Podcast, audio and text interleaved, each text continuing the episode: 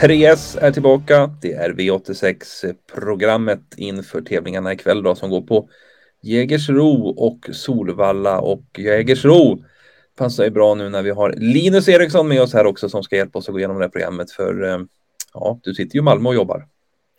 Exakt, jag sitter inte ett stenkast, några stenkast ifrån Jägersro. Det är bra. Hur verkar det då med din form och vädermässigt? Min form är bra tycker jag. Jag tycker det börjar se allt ljusare ut här. I, eh, och jag följer väl eh, trenden i, för årstiden att det blir ljusare och eh, lite lättare att leva.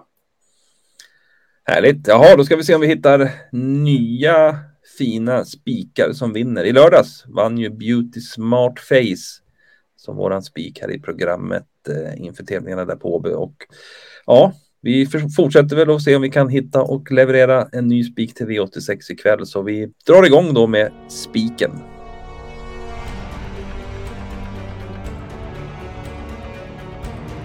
Då ska vi plocka fram eh, spiken och var hamnar vi då? Vi går till V86 häst nummer 4, Field the Benefit som eh, kommer från en fin seger här. Gick utvändigt ledande då sista varvet eh, och Stefan, för en riktigt stark insats. Vinner ju där om vi ser på bilderna efter att So Far Away Ås galopperat i ledningen. Lite kluven eh, vem som hade vunnit det här loppet. Kenneth Hagstad sa efteråt att det var segern som rök. Vi pratade med Fredrik Wallin eh, i veckan och han trodde att det var Fille Benefit som hade vunnit. Oavsett, det var en jättestark insats och eh, eh, formen är på topp. Bra läge nu, spetsläge. Vi hammar in spiken. Ja, det är spetsläge också. Spets och slut alltså på Feel the Benefit nummer 4 i V86 4. Ja, men det är ju trevligt. Då har vi spiken avklarad och vi går och letar på eh, en skräll nu.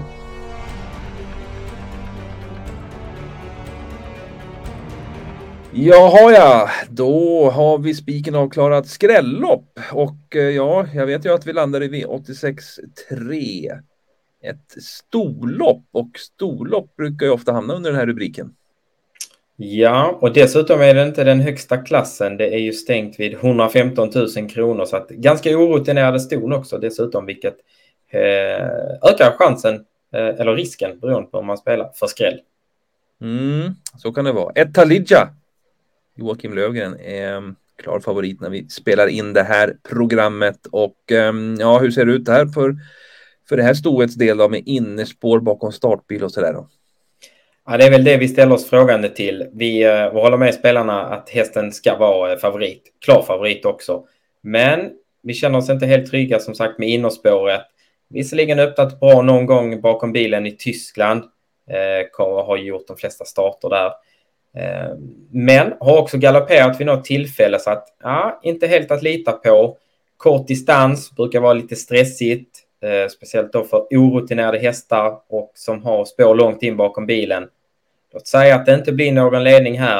Då blir det genast krångligare för Joakim Lövgren och eh, krångel, det vill man ju inte ha på en häst som är sträckad till över 60 procent utan eh, nej, vi, eh, vi osar skräll här och målar på. Mm. Ja, nu har vi ju prata nog om favoriterna tycker jag, utan nu måste vi prata om en skräll. Så shoot! Vi lyfter fram två All for Love som visserligen är utan seger efter 14 starter, men eh, kom till Johan Untersteiner, träning hos Untersteiner då, för två starter sedan. Sett förbättrad ut. Gått bra som trea båda gångerna. Senast var hon faktiskt ute mot just eh, Talidja, favoriten, och eh, ja, men gjorde det helt okej okay som trea bakom eh, denne då som slutade tvåa. Eh, två lopp i kroppen. Vi räknar ju med att formen går framåt eh, för varje lopp här. Bra utgångsläge i spår två. Inte blixtsnabb, men samtidigt snabb nog att kanske hålla inne eh, storfavoriten. Johan Untersteiner kör i form för dagen och eh, mm, skulle han kunna bjuda All for Love på en eh, bra resa så ser vi det inte som osannolikt att hon sätter nosen först och eh, under 5 när vi spelar in. Det tar vi. Det tar vi. Läckert. Två All for Love är skrällen vi vill ha i V86 3. Ja du Linus, då återstår chaset och det är ju din favoritrubrik så vi går väl på den nu.